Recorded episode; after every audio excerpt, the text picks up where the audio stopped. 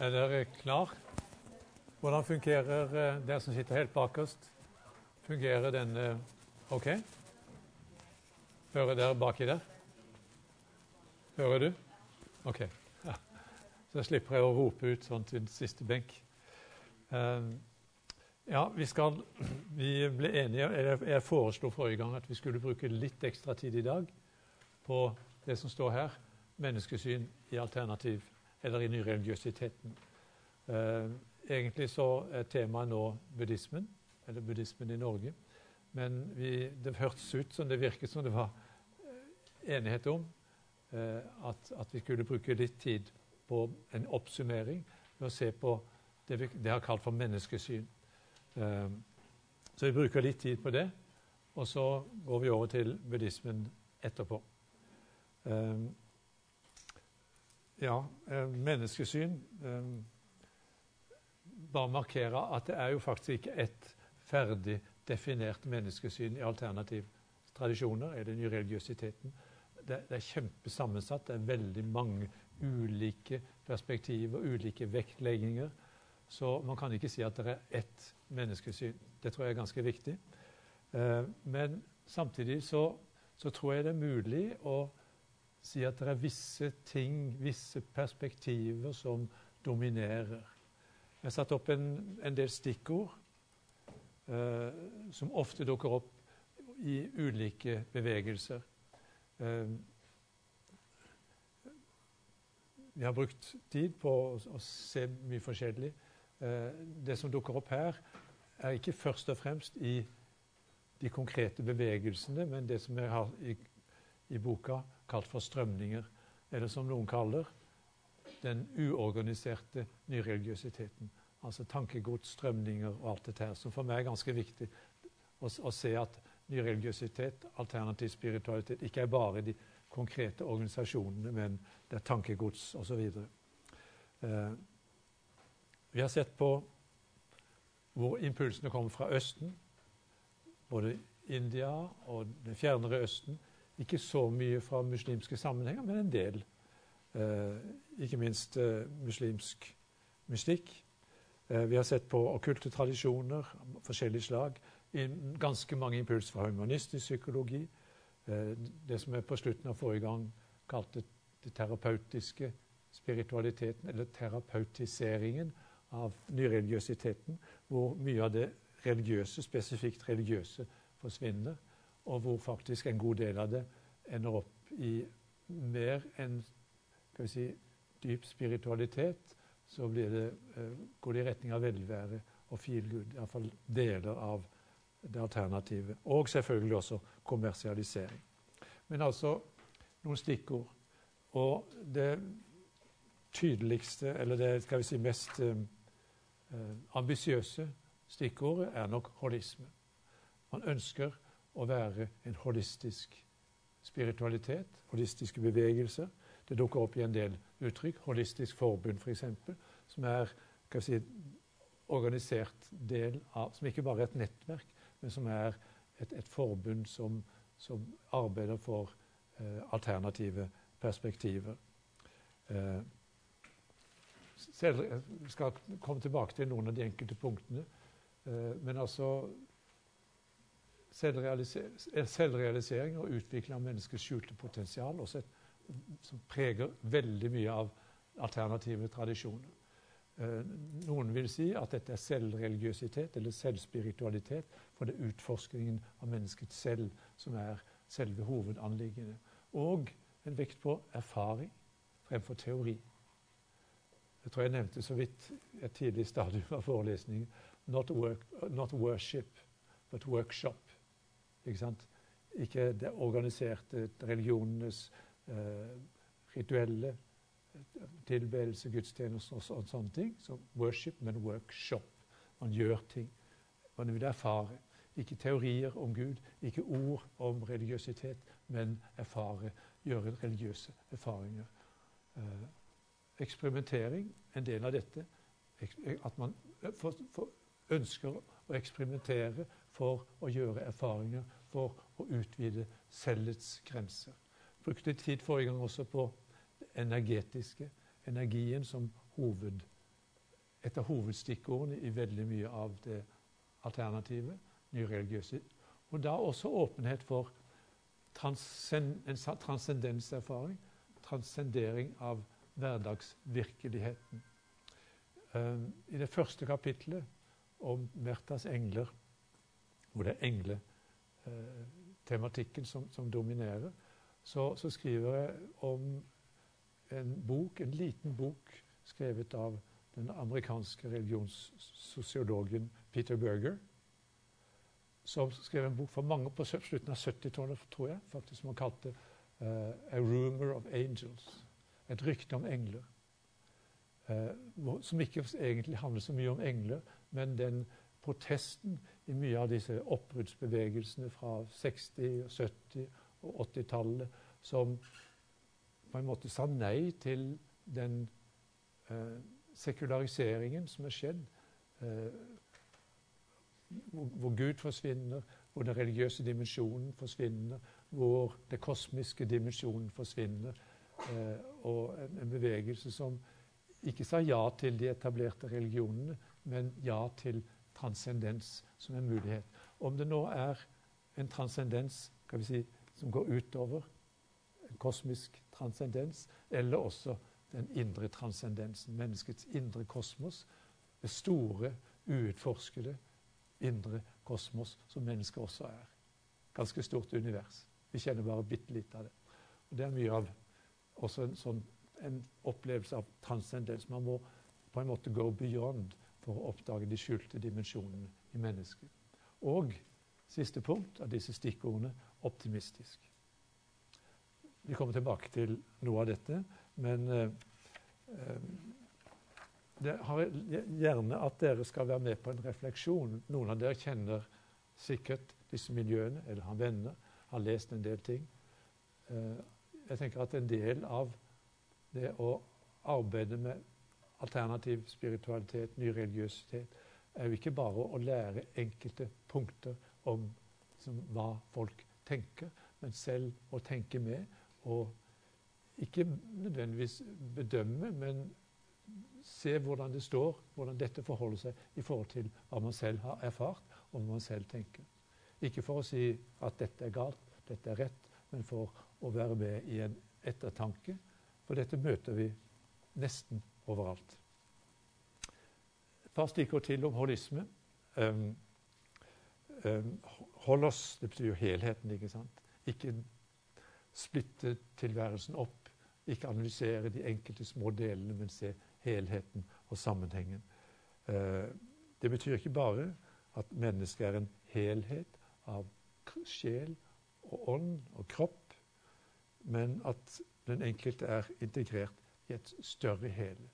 Mennesket er en del av samfunnet, av naturen, av universet og en åndelig, eventuelt guddommelig virkelighet. Um, gå litt videre. Komme tilbake til noe av dette.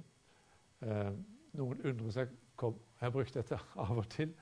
Uh, det er en forside på det som tidligere het Alternativt nettverk. Det største alternativbladet i Norge. Nå heter det Visjon.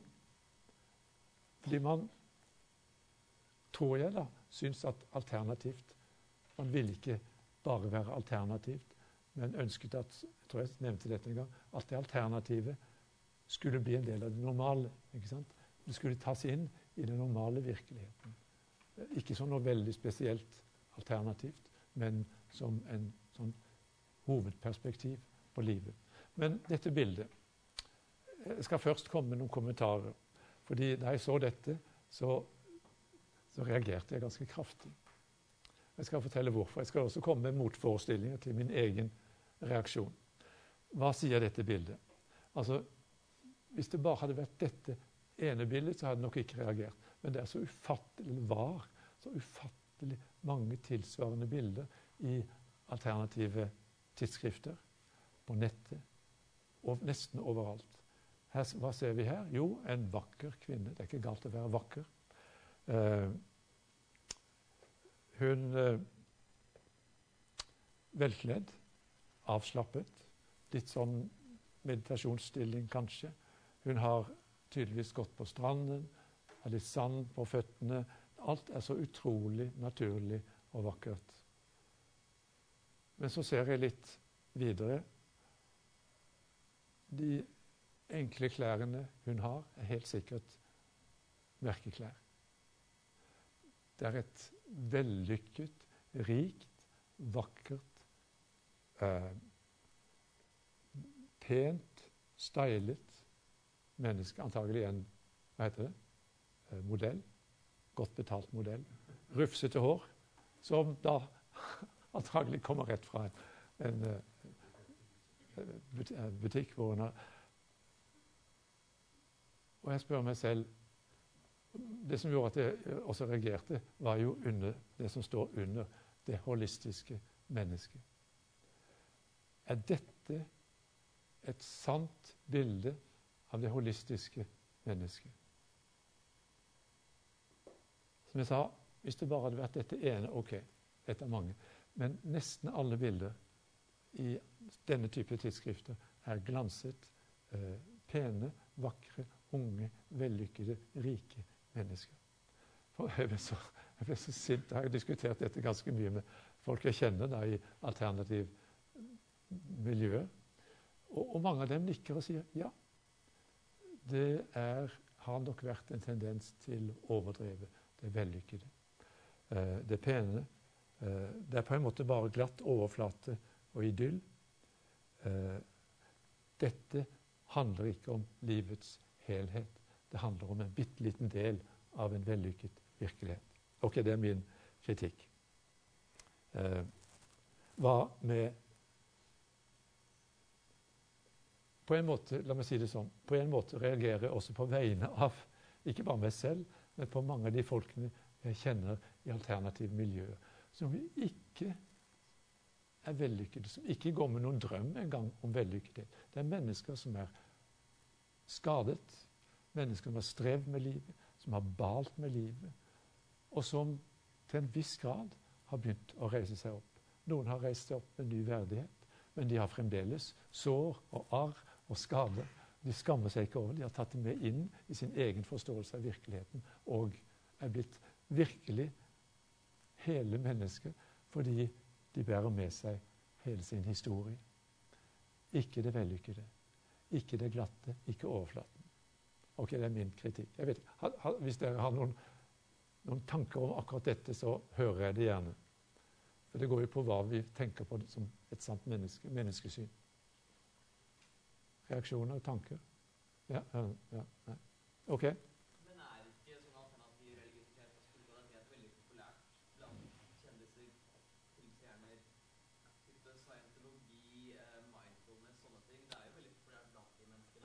Absolutt. Det kan godt hende. Absolutt. Uh, ja. Det er sant at det er en del uh, si, kjendiser. Og, og, og, man vil jo da fremheve kjendisene. Og da må En liten parentes. Jeg har jo hatt litt av de samme reaksjonene i forhold til kristelige arrangementer. Eh, hvor man liksom blåser det stort opp. Den og den kommer den og den sportsmannen bekjenner seg som kristen. Er det den og den vellykkede, ikke sant? Eh, det er et eller annet der som vi faktisk har en tendens til å, til å fremelske eller, eller digge det, det litt vellykkede.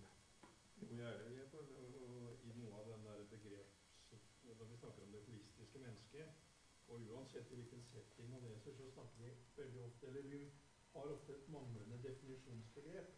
Altså fordi at uh, vår vestlige tradisjon den er veldig definerende.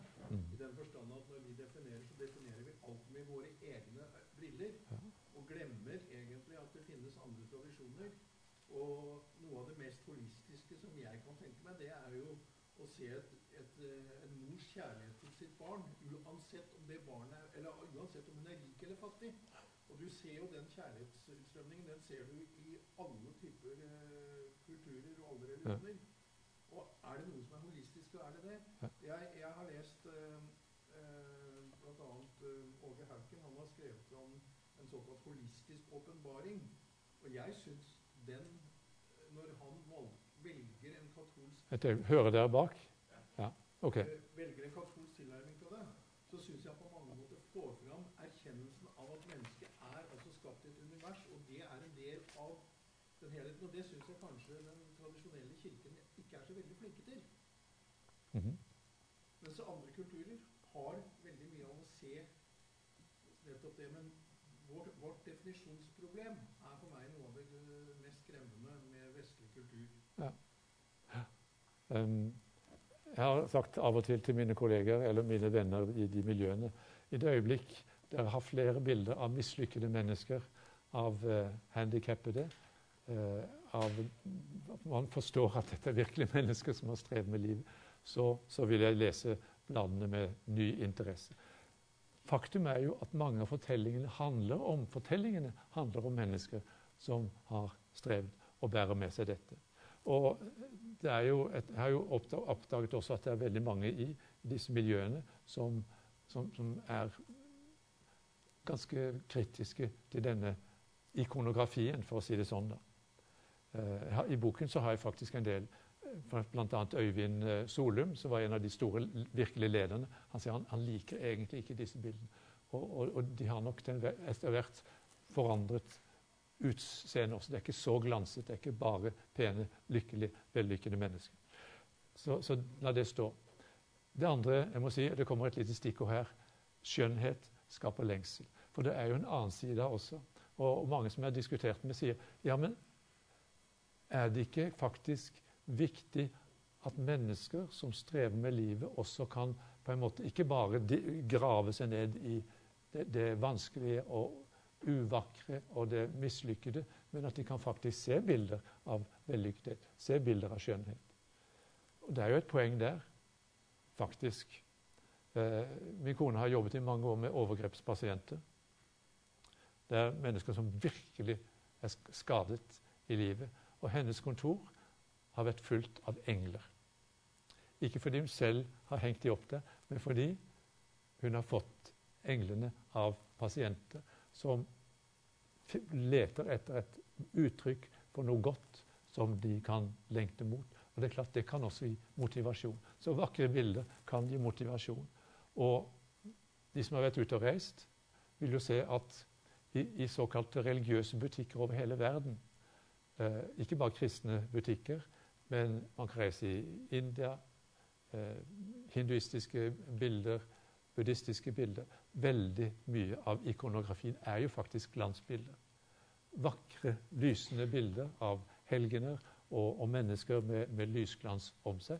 Så folk liker jo glansbilder. Folk som er mer skal vi si, estetiske feinschmeckere, liker det stort sett ikke. Men det er et eller annet med det vakre og det enkle og det glansede som appellerer, som kanskje motiverer. Ja?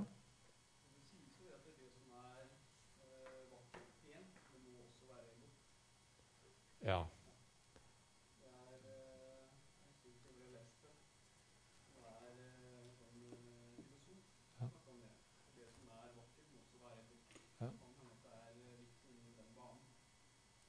Ja. Så no, noen vil da håper jeg, Estetisk eh, kritikere vil kanskje si at eh, det vakre må også ha, være kvalitet.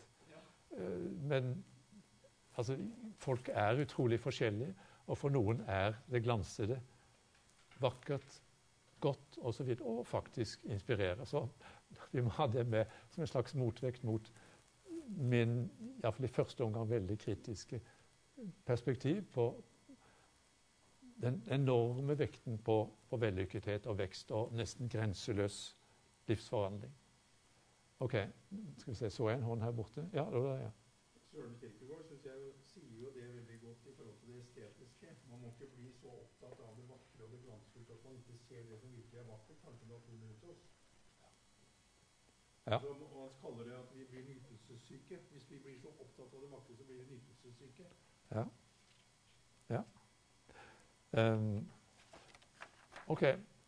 Har, nå er det forskjellige perspektiv på dette. her. Noe av mitt anliggende var jo nettopp at, at, vi skulle se litt forskjellige eh, perspektiver, så takk for, for det. Um, et annet perspektiv um, Jeg kan ta det med i deres egen refleksjon. Um, vi har vært inne på dette forrige gang. Dette anliggende drømmen om å være sin egen skaper. Uh, med denne veldig positive Altså gode og viktige eh, forventningen at våre tanker, våre forestillinger, våre lengsler faktisk er en positiv motivasjon. At, at vi, vi, til en viss grad blir det vi ønsker å være. Motivasjon til energi. Vi snakket jeg forrige gang litt om når dette bikker over. Det blir sånn grensespreng, en forventning at vi faktisk kan skape ikke bare vår egen virkelighet med tankens kraft, eller med viljens kraft, med forestillinger osv. Tenke bort sykdommen og, så, og, så, og, alt dette som faktisk er en del av. Når det overdrives, så, så kan det bli destruktivt. Og da tenker jeg eh, at um, i, i, forhold til mye av dette optimistiske, uh, iallfall den naive optimismen, som ikke skaper vinnere, men tvert imot tapere. fordi de aller fleste klarer jo ikke å tenke bort kreften. De aller fleste blir ikke number one. De blir kanskje nummer to eller tre eller fire, eller hører til røkla, som det het i fotball da vi lekte fotball i min barndom iallfall. Uh, en realisme i menneskesynet. Og der bruker jeg et veldig gammeldags uttrykk at mennesket er kjød. Det er den en gamle kjøtt. Eh, som er et ganske interessant uttrykk. Eh, for jeg tenker at man trenger som en slags motvekt mot den litt overdrevne og forholdsvis ensidige optimismen i mye av det alternativet, trenger man en, en realisme i, eh, i, i menneskesynet som fins i Østens tradisjoner, i buddhistisk tradisjon. Buddhismen er ikke så veldig optimistisk, egentlig, selv om den har sterkt håp til muligheten til forandring. Eh, folkevett i folks livserfaringer. De fleste vet at, si, man på en eller annen måte En del av visdommen er jo å akseptere det som er, akseptere sin skjebne. Ikke fatalistisk, det kan det være, men en slags visdom. Når Bibelen bruker ordet kjød eller kjøtt, eh, så betyr det jo kan bety ganske mye. Kjød er skrøpelig, heter det i gamle dager. Det sier litt om det, det, viktigste i den bibelske tanke om kjød, kjød eller kjøtt er jo at mennesket er sårbart. Kjøtt er Det har liv i seg så lenge det er livspust, holdt jeg på å si. Men et dødt legeme, dødt kjøtt, er veldig, veldig dødt. Kjødet betyr at det er sårbart, begrenset, svakt og dødelig. Menneskelivet er bare et pust. Det er bare et pust som skiller mellom liv og død. Jeg hadde en venn som fikk hjertestans. Hjertet stoppet å slå. Hvis det ikke hadde vært tilfeldigvis vært en, en lege og sykepleier til stede, hadde han dødd. Når, når pusten slutter, når jeg slutter å puste, så er livet over. Eh, bibelsk tradisjon, buddhistisk tradisjon, helt sikkert eh, muslimsk tradisjon vet at mennesket er støv. Vi er skapt av jord, vi vender tilbake til jord. Salmenes bok om morgenen er mennesket som det groende gress. Om kvelden visner det og dør. Vår levetid er 70 år eller 80 når styrken er stor. Menneskets herlighet strever mye. Snart er det slutt. Vi flyr av sted. Altså en forholdsvis sånn eh, Ikke pessimistisk, men realistisk. Og Da tenker jeg at Nå har ikke vi snakket så mye om mindfulness, men noen av dere har sikkert vært, bort, vært på kurs om mindfulness eller jobbet med det, som er en øvelse i å være våkent til stede. Langt baki, inspirert av buddhistisk tradisjon, om det, det våkne nærværet. det betraktende nærvær. Mindfulness Noen vil beskrives som en del av en ny religiøsitet, alternativ tradisjoner. De fleste ønsker ikke at det skal være religiøst, men mindfulness er på mange måter en ganske viktig eh, motpol til mye av den ekstreme forventningen om at bare du mediterer, så blir alt bra. Hvis du mediterer, så kan, du, så kan det bli verdensfred og harmoni, alt dette. Mindfulness, slik det presenteres, både i den allmenne skal vi si, i næringsliv og helse og undervisning osv., så, videre, så legger det vekt på at du kan ikke tenke vekk vanskelighetene. En, en del av det å være seende, til stede, barmhjertig blikk på ditt eget liv, er faktisk å innse at livet er slik det er.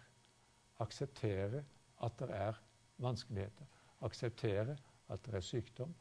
Og ved å innse det og godta at det er der, så kan det kanskje til en viss grad forandres. Men det lover, lover ikke noe stort. Akkurat som buddhismen, som vi skal komme tilbake til, lover ingen sånn fantastiske gjennombrudd og kosmiske opplevelser. Det er krevende. Og Der tenker jeg at eh, det er også elementer i det alternativet som, som understreker at eh, livet er ikke bare glans og idyll og pene farger eller vakre mennesker.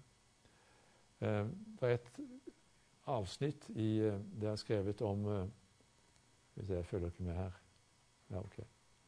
Det er et avsnitt i det siste kapitlet som har også noen refleksjoner om bønn og energiarbeid. Jeg skal ikke gå inn på det, men jeg tenker at det kan være interessant å lese, fordi det sier litt om både berøringspunkter og forskjeller mellom tradisjonell religiøsitet og um, alternative syn på hva ikke hva bønn er, men noe som erstatter bønn, nemlig energiarbeid. Uh, det kan dere se på. Men jeg har lyst til å, som en del av refleksjonen om alternativ spiritualitet og den, dens veldige vekt, dens veldige optimisme, Eh, så, så, ser det ut til at det nesten, man ser nesten aldri noen refleksjon omkring ondskap, skyld og synd, som det heter i en del religiøse sammenhenger. Det virker som om dette er fremmedelement.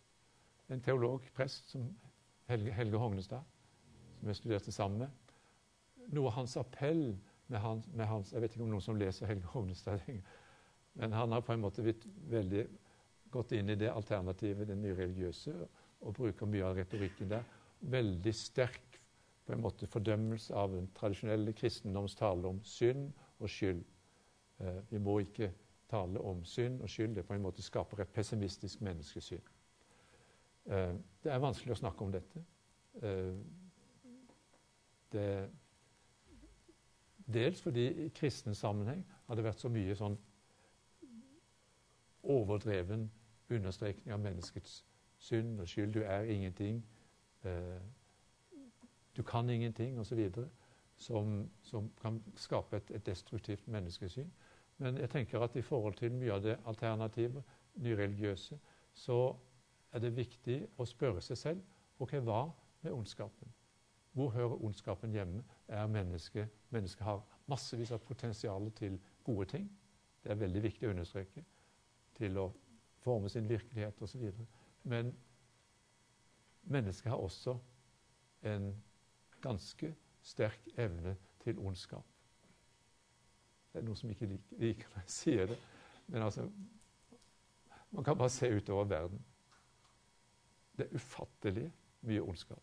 Og jeg tror at ethvert menneske som har litt innsikt i sine egne tanker og handlinger, vil innse at her er det også eh, Som det heter i kristen tradisjon, mennesket har en hang til det onde også. Jeg tror ikke det er, det er ikke det å forakte mennesket å si at mennesket har en stor mulighet til ondskap. Og en, en, en, også drivkrefter i retning av det onde. Hvis det er det eneste som sies, så blir det ødeleggende og destruktivt. Um,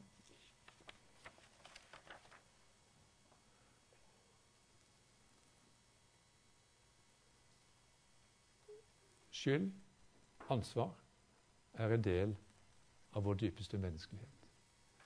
Det tror jeg er viktig faktisk å si at å ta ansvar for våre handlinger Skyld er jo på en måte å innrømme. Og Da tenker jeg ikke på alle de merkelige formene for falske skyldfølelser mennesker går rundt med, men ta ansvar for sine handlinger, som er en del av vår dypeste menneskelighet. Jeg har lyst til å sitere en svensk biskop som heter Martin Lønnebo, som har en ganske original biskop. Bryter alle rammene. Har skrevet masse flotte bøker. Og han, uh, har skrevet en liten bok som heter 'Hjertets nøkler'. Hjertets nøy, nø, nøk, nøkler, er det på svensk. Hvor han beskriver forskjellige nøkler. Og én av de nøklene, sier han, er ansvar og skyld. Åpner en dør. Uh, den bruker vi veldig lite. Vi forsøker å ikke bruke den. Men hvis vi ikke åpner den døren, så er det noe i mennesket som hindrer vår modning. Skyld, ansvar, handler om menneskets modning, sier han. Og han sier det ganske, syns det er ganske fint. Mennesket er det eneste dyret som kan synde. Dvs. Si, å være moralsk ansvarlig. Bare, bare mennesket kan tilkjennes skyld. Mennesket er det eneste dyret som kan bli helgen eller bøddel. Vi har enorme muligheter i alle retninger. Mot ondskap, mot godhet. Uten skyld, sier han, intet ansvar. Uten ansvar, ingen etikk. Uten etikk, ingen fremtid. For vi er helt kompetente til å drepe hverandre, både sjelelig og kroppslig. Altså litt sånn høystemt. O salige skyldfølelse, så foraktet, så livgivende. Det var eh, Martin Lundeboe. En ettertanke som jeg stiller meg av og til nettopp i møte med en del av de alternative som har en tendens til å, å synes at dette er ikke noe vits i å snakke om. Det er en del av vår virkelighet. Det er en del av vår menneskelighet. Um, jeg skal avrunde med tror jeg det er siste på dette. Um, Leonard Cohen. Det er faktisk mitt, det siste kapitlet som jeg syns hadde et jeg hadde behov for å si noe om menneskesyn som ikke bare er meg da som, som teolog, prest, som skal forsøke å presse inn på noe, men et menneske som taler et språk som går på det dypest menneskelige. Jeg spør meg selv uh, hvem er det som skriver dette? Er det jøden Leonard Cohen? Kom fra, vokste opp i jødisk tradisjon? Helt sikkert det er jøden Leonard Cohen som taler. Han kjente antagelig fra sin barndom de bibelske salmene om eh, det sanne offer for Gud. Hva er det sanne offer for Gud? Det er ikke de fantastiske tingene, men det er et sønderbrutt og et sønderknust hjerte. en del av det, vår felles jødisk kristne tradisjon. Og Så kan jeg spørre meg er det den kristne Leonard Cohen som skriver eller taler. Han gikk jo gjennom fase hvor, en fase hvor, hvor, Jesus ble helt fundamental, viktig i hans liv. En slags en kristen fase. Ja, det også. Er det zen-buddhisten Leonard Cohen som taler? Han hadde en fase, Jeg vet ikke akkurat hvor han er nå, hvor zen, buddhistisk meditasjon, var helt fundamental. Et menneske som på en måte har inkorporert mange ulike elementer i sitt liv hvor man kan se sporene av dette i denne sangen. Jeg skal kommentere den litt. Mange av dere kjenner den veldig godt. Men jeg tenker at ok, det er, det er jøden Cohen, det er den kristne Cohen, det er buddhisten Cohen. Det er mennesket Cohen som har dyp innsikt i hva det er å være menneske. Uh, dette er refrenget Er det Anthem den heter? Er det ikke det? Hvor han beskriver Jeg ser utover verden og ser hvordan alle ting går i stykker. Man forhandler seg frem til fred. fredsforhandlingene bryter sammen. Uh, duene fanges og settes fri igjen og blir fanget igjen. Jeg husker ikke alle detaljer, men har en del sånn sant, litt, litt, pessimistisk perspektiv. Er det noe som nytter i det hele tatt? Nytter det? Vi vil så gjerne at ting skal være fullkomment. Og så kommer dette refrenget. Ring the bells that still can ring. Forget the perfect offering. There is a crack in everything. That's how the light gets in. Alle ting har en brist, og det tenker jeg er en sånn fundamental innsikt i hva menneskelivet er. Kanskje det samme som jeg beskrev med, eller nevnte med det bibelske ordet kjød. Svakt, forgjengelig, eh, sårbart. Det er crack. Men likevel, med våre crack, med våre svakheter, med alle våre brist Ring the bells that still can ring. Og nota bene, forget the perfect offering. Det perfekte er stort sett For det første fins det nesten ikke. Kan finnes i våre drømmer, men det fins ikke i virkeligheten. Og perfeksjonisme er noe av det mest lammende som fins. Det vet en del av oss. Perfeksjonisme. Forget the perfect offering. There is a crack in everything, and that's how the light gets in. Det kunne også være en beskrivelse av manges erfaringer i alternativ spiritualitet, ny religiøsitet, som nettopp pga. bristen i deres liv, vanskene, streven, eh, krise, begynte å kjenne at OK, lyset trenger inn i sprekkene. Det er, det er håp, det er mulighet. Um, så dette var en, en, en liten, dette er nesten en liten preken. Jeg skal ikke mene å dytte på dere noe, men dere kan jo ta det med i deres egen refleksjon. Jeg har lyst til å spørre om Vi skal forlate nyreligiøsiteten, alternativet nå, men har dere noen tanker? Er det noe dere syns mangler? Det er kanskje noen som har erfaringer fra de miljøene. Noe dere vil si, så er det mulighet nå.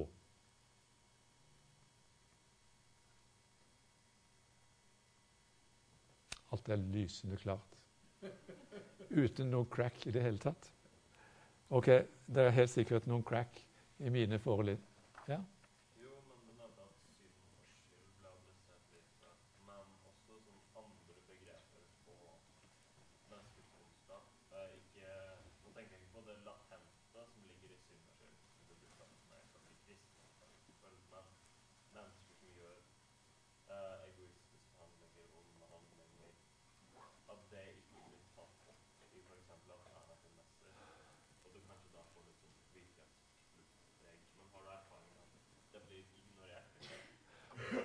Det er veldig sjelden at det tematiseres.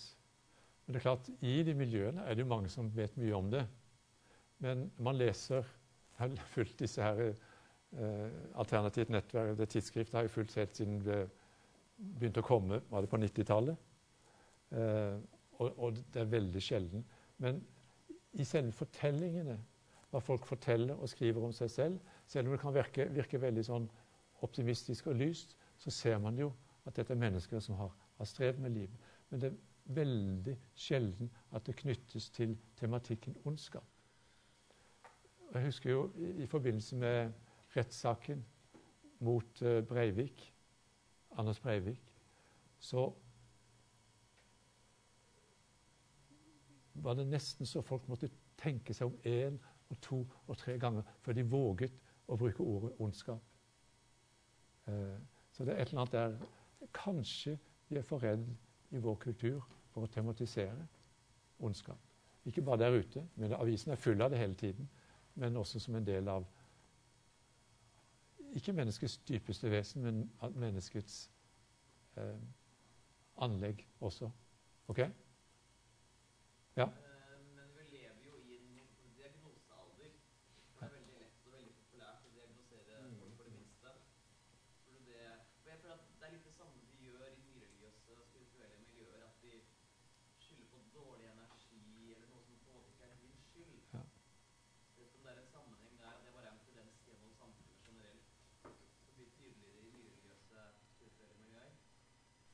Ja, jeg tror nok kanskje det. Eh, man, man, finner andre andre diagnoser, andre karakteristikker, andre ord, andre begreper. Eh, saken er jo at f.eks. denne enorme vekten på menneskets potensial til å skape, sitter jo folk igjen med skyldfølelse, faktisk. Og, og, og da tenker jeg det er en falsk skyldfølelse, men det er på en måte skyld, skyldfremkallende en del av denne forventningen. Så Derfor tenker jeg at, at, det kanskje kunne være lurt i disse miljøene å kunne tale på en kreativ måte om ondskap. Eh, og der har man jo sant, Noe av reaksjonen er nok det at den kristne, sånn tradisjonell kristendom har vært veldig opptatt av synden og skylden, og på en måte nesten brukte, iallfall i tradisjonell forkynnelse til å holde mennesker nede. Du er ingenting, men Gud elsker deg likevel. Altså den type nådeforkynnelse som, som til syvende og sist blir veldig problematisk. For det, det knyttes sammen med jantelov, 'jeg er ingenting', 'jeg kan ingenting' og sånne ting. Selvforakt, som er veldig destruktivt. Men å kunne tale på en sann måte om ondskap og skyld altså Dalai Lama kvier seg ikke for å tale om, om, om, mennesket. Han bruker ikke ordet synd, men han taler om, om grådighet. Kom tilbake til dette i buddhistisk tradisjon. Hvor store sinnsgiftene. ikke sant? Grådigheten, hatet eh, eller raseriet. Uvitenheten. Så eh, jo eh, Det kan hende at det kommer etter hvert. Men, eh, men det er en viss sånn eh, vaghet, en viss eh, skyhet, for å bruke ordet.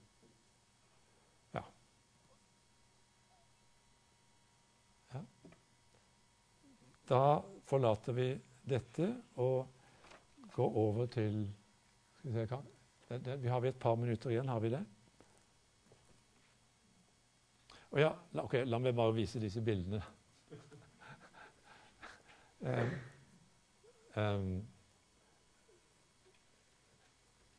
den første timen, tror jeg det var, eller i første omgang, så jeg snakket mye om, om uh, de uh, impulsen Det var kanskje siste gang. Impulsen fra Østen som strømmet inn.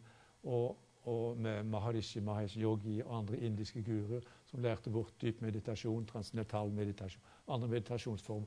Og det var jo faktisk en god del kristne. Var veldig mange advarsler mot dette fra off offisielt kirkelig hold.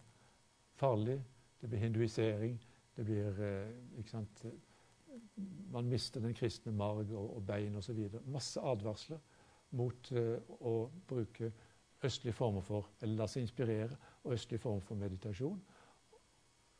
Samtidig var det en god del kristne som faktisk ble inspirert og lærte ting ved å meditere under i disse tradisjonene. Ikke det at de ble hinduer eller buddhister, men de lærte mye. Jeg var i Japan i disse årene og mediterte under buddhistiske mestere og hadde stor glede av det, så jeg visste at det var ikke, det var ikke så farlig. Men her er det altså da det er, noen, det er, kanskje ikke noen som kjenner biskop Aarflot lenger. Han var og, og biskop i Oslo i mange år. Og denne karikaturen der en som sitter der stille og mediterer og forsøker Så står altså Aarflot bak Noen kjempebekkene man skal advare. Bispemøtet kom med en kraftig uttalelse i 1979 som fremdeles sitter som sår i, i, en del av disse meditasjonsbevegelsene. De husker, de glemmer det ikke. Og et annet bilde. Uh, Ulf Aas, som var en utrolig dyktig tegner i Aftenposten i mange år som da noe av det samme. Presten som står oppe på prekestolen i den gamle prestekjolen ikke sant, med den der eh, prestekragen. Prestekjolen kalte vi for gamle svarten. ikke sant, Gammel embetsdrakt. Og så står han der på prekestolen og, og, nesten knuser et menneske som har sittet der og meditert, omtrent som han knuser en, en mygg. Den, den karikaturer om, som på en måte kommenterer den offisielle kirkelige reaksjonen i forhold til mye av dette. Som har ødelagt mye for samtalen, for dialogen, for gjensidig refleksjon, gjensidig inspirasjon og gjensidig utfordring. Men jeg tror at mye har forandret seg. Ja? Hva sa du om den uttalelsen som det første bildet handla om? Hva var det for noe? Uh, nei, det er bare den, det, Dette er en, et, et tidsskrift som heter Vår kirke. Veldig bra, oppegående tidsskrift som heter Vår kirke som tok inn denne karikaturen som en kommentar til bispemøtets uttalelse i 1979, tror jeg det var. Aarflot da som representant, preses som det heter, Oslo biskop, som da advarer den som stakkaren som sitter der og mediterer, kanskje akemeditasjon eller noe sånt. Nei, de, de, hadde en lang Fordi dette hadde gått, pågått i 20 år omtrent. Uh, ulike former for asiatisk inspirert meditasjon. Og uh, en del kristne som engasjerte seg og, og brukte dette osv. Bispemøtet hadde først en ganske lang utredning av for meditasjon, uh, bønn, spiritualitet, mystikk osv. Uttalt seg, det må jeg si, positivt i forhold til meditasjonen som en, en, en, en del også av den kristne tradisjon, men veldig sterke advarsler mot alle former for østlig inspirert meditasjon. Som de sa, for å si det veldig kort, kan, kunne føre til en hinduisering av kristendommen. Var det svar nok? Ja. Da er tiden gått. Vi tar pause.